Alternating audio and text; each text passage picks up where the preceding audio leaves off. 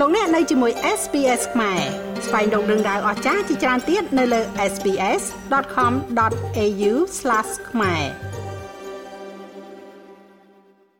គណៈបកភ្លើងទៀននិងគណៈបកមហាសាមគ្គីជាតិខ្មែរបានដាក់ពាក្យបណ្ដឹងតវ៉ាជាផ្លូវការដោយដលៃពីគ្នាទៅកាន់ក្រមប្រសាទធម្មនុញ្ញបន្ទាប់ពីកោជបបានសម្រេចបដិសេធមិនចោះឈ្មោះគណៈបកទាំងពីរនេះក្នុងបញ្ជីគណៈបញ្ញយោបាយចូលឈ្មោះបោះឆ្នោតជ្រើសតាំងតំណាងរាស្ត្រនីតិកាលទី7ឆ្នាំ2023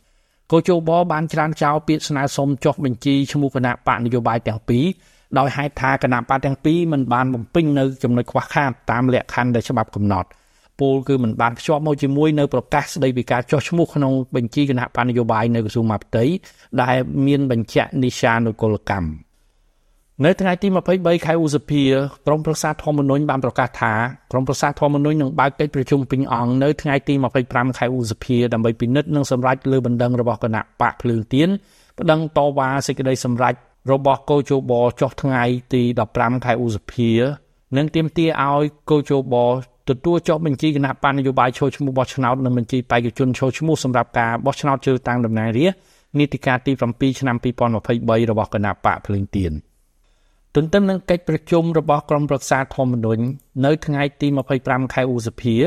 ក៏ពិនិត្យនិងសម្រេចលើបណ្ដឹងរបស់គណៈបកមហាសាមគ្គីជាតិខ្មែរដែលបណ្ដឹងសូមឲ្យក្រុមប្រឹក្សាធម្មនុញ្ញពិនិត្យសម្រេចពីលទ្ធភាពស្តីពីការចុះឈ្មោះគណៈបកនយោបាយនិងបញ្ជីបេក្ខជនចូលឈ្មោះជ្រើសតាំងតំណាងរាស្ត្រនីតិកាលទី7ឆ្នាំ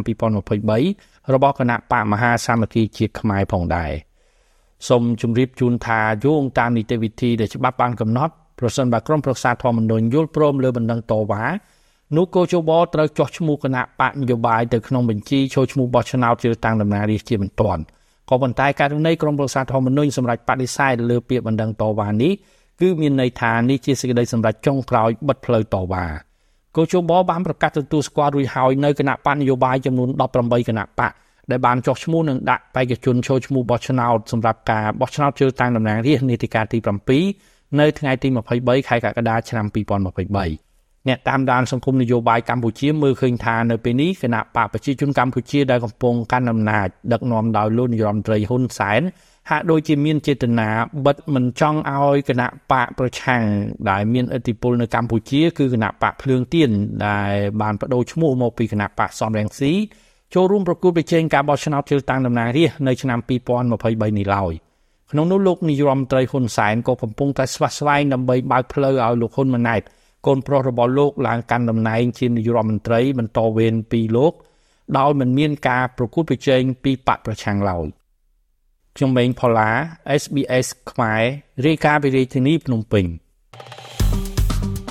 ចុច like share comment និង follow SBS ខ្មែរនៅលើ Facebook